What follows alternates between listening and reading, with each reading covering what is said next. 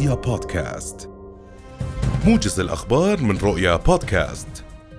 موجز الأخبار أهلا بكم. زعمت وسائل إعلام عبرية أن سبعة أشخاص تسللوا صباح اليوم من الأردن نحو الأراضي المحتلة وتمكن جيش الاحتلال من اعتقال خمسة منهم. وسائل الإعلام ذكرت أنه من خلال التحقيق تبين أن اثنين من المتسللين تمكنا من دخول الأراضي المحتلة حيث شرعت قوات الأمن بالتفتيش عنهما ومطاردتهما وأفضت التحقيقات إلى أنهما تمكنا من العودة إلى الأراضي الأردنية. تواصل اللجنة القانونية النيابية اليوم مناقشة مشروع قانون معدل لقانون السير لسنة 2023 اللجنة القانونية كانت قد شرعت أمس بمناقشة مشروع القانون الذي يعالج العديد من القضايا التي يعاني منها الأردنيون. جراء عدم التزام البعض بقوانين السير بحسب رئيس اللجنة النائب غازي تنيبات وأضاف أن اللجنة تسعى للخروج بمشروع قانون يحافظ على حياة المواطنين وممتلكاتهم. عممت هيئة تنظيم قطاع النقل البري بعدم السماح لأي مركبة شحن غير أردنية. يزيد عمرها التشغيلي عن 20 عاما من الدخول إلى السعودية عبر الأردن.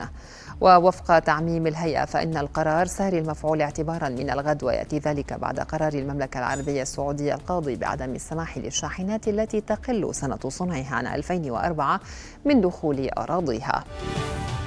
قتل ستة فلسطينيين بينهم قائد عسكري في حركة فتح خلال اشتباكات اندلعت يوم السبت واستمرت الأحد في مخيم عين الحلوة للاجئين الفلسطينيين جنوب لبنان.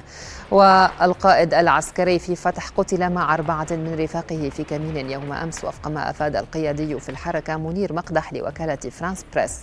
وجاء ذلك بعد معارك ليلية داخل المخيم بين عناصر من فتح وآخرين من مجموعات إسلامية.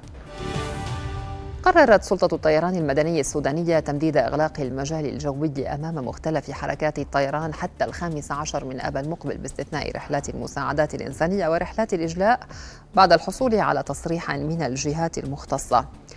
هذا وأغلق المجال الجوي السوداني أمام حركة الطيران بعد اندلاع الصراع العسكري بين جيش البلاد وقوات الدعم السريع منتصف نيسان الماضي.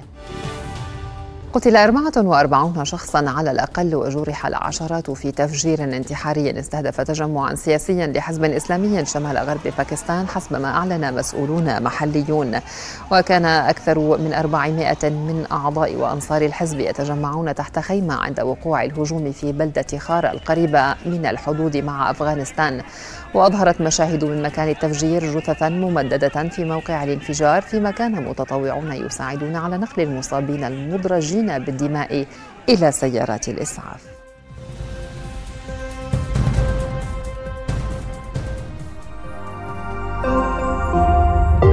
رؤيا بودكاست.